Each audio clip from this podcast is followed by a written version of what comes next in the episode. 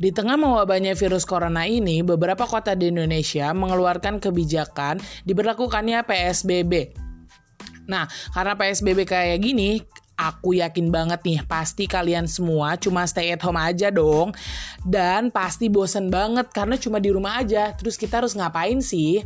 Nah aku tahu banget nih pasti gadget-gadget sangat menyelamatkan hidup kalian karena harus terkurung di rumah demi menyelamatkan diri dari virus corona Nah, tapi kalian kalian harus hati-hati banget nih teman-teman uh, dalam menggunakan gadget kalian, uh, terutama di media sosial. Karena belakangan ini di media, di media sosial itu sedang dimanfaatkan oleh orang-orang yang tidak bertanggung jawab dengan menyebarkan hoax tentang corona.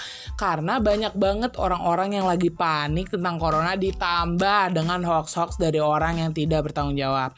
Dan menimbulkan kepanikan yang berlebih lagi. Jadi buat teman teman-teman semuanya, kalian kalau baca berita langsung dicari tuh sumbernya. Dari mana, penulisnya siapa, cari kejelasannya dan klarifikasi biar kalian gak kemakan hoax dan panik kalian gak berlebihan. Dan kalian bisa nyaman di rumah.